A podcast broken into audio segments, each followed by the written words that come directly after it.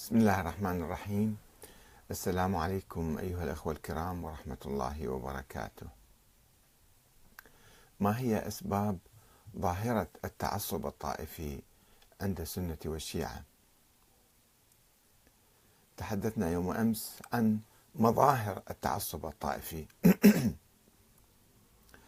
واليوم نتحدث عن أسباب هذه الظاهرة. سوف نبدأ الحديث بعد قليل لو سمحتم.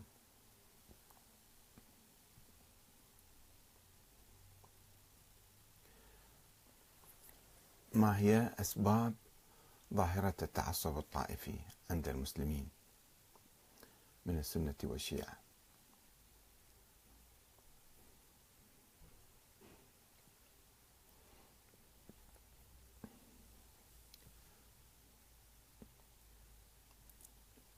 السلام عليكم ورحمة الله وبركاته.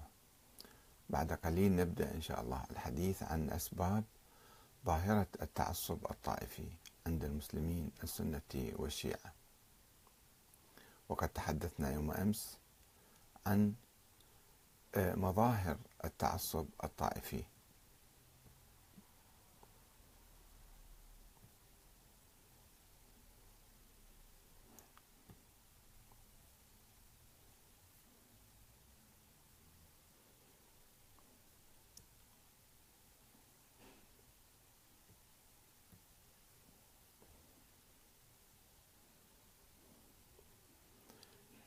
ما هي أسباب ظاهرة التعصب الطائفي عند المسلمين السنة والشيعة؟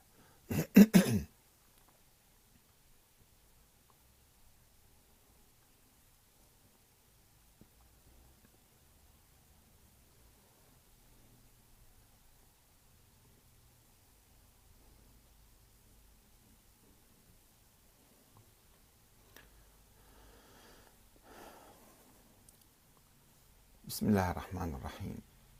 السلام عليكم أيها الأخوة الكرام ورحمة الله وبركاته. ما هي أسباب ظاهرة التعصب الطائفي عند المسلمين؟ السنة والشيعة. يمكننا تحديد ثلاثة عوامل لظاهرة التعصب الطائفي بصورة عامة. وبالخصوص لدى الطوائف السنية. وهي القرارات السياسية التي يتخذها الحكام. والتقليد الأعمى والجمود ورفض الاجتهاد لدى فئة كبيرة من العلماء. وثالثا المصالح المادية لفئة العلماء. هذه كلها تساهم في صناعة آه، التطرف والتعصب لكل طائفة ولكل فريق. أولا القرارات السياسية.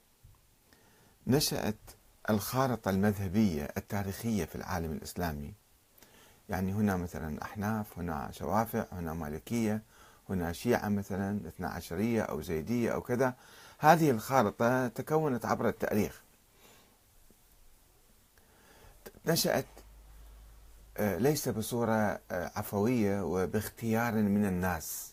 أن الناس مثلا في هذه المنطقة أرادوا اختيار المذهب الشافعي أو اختيار المذهب الحنفي أو اختيار المذهب الجعفري أو الزيدي أو المذاهب الأخرى.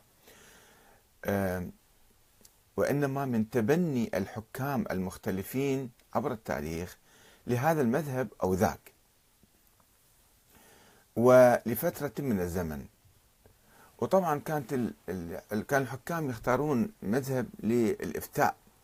الإفتاء القانوني ومعالجة القضايا القانونية فكانوا يعينون مثلا شيخ ينتمي لمذهب أبي حنيفة مثلا. فهذا يجيب تلاميذته ويجيب أصحابه ويحطهم في كل دوائر الدولة دوائر القضاء في الدولة. فيسود المذهب الحنفي في هذا البلد أو ذاك. وكذلك المذهب الشافعي وكذلك المذاهب آه، الأخرى. فقد تبنى العباسيون في زمن الرشيد المذهب الحنفي. أبو حنيفة نفس الإمام أبو حنيفة رضي الله عنه آه، يعني ما كان هو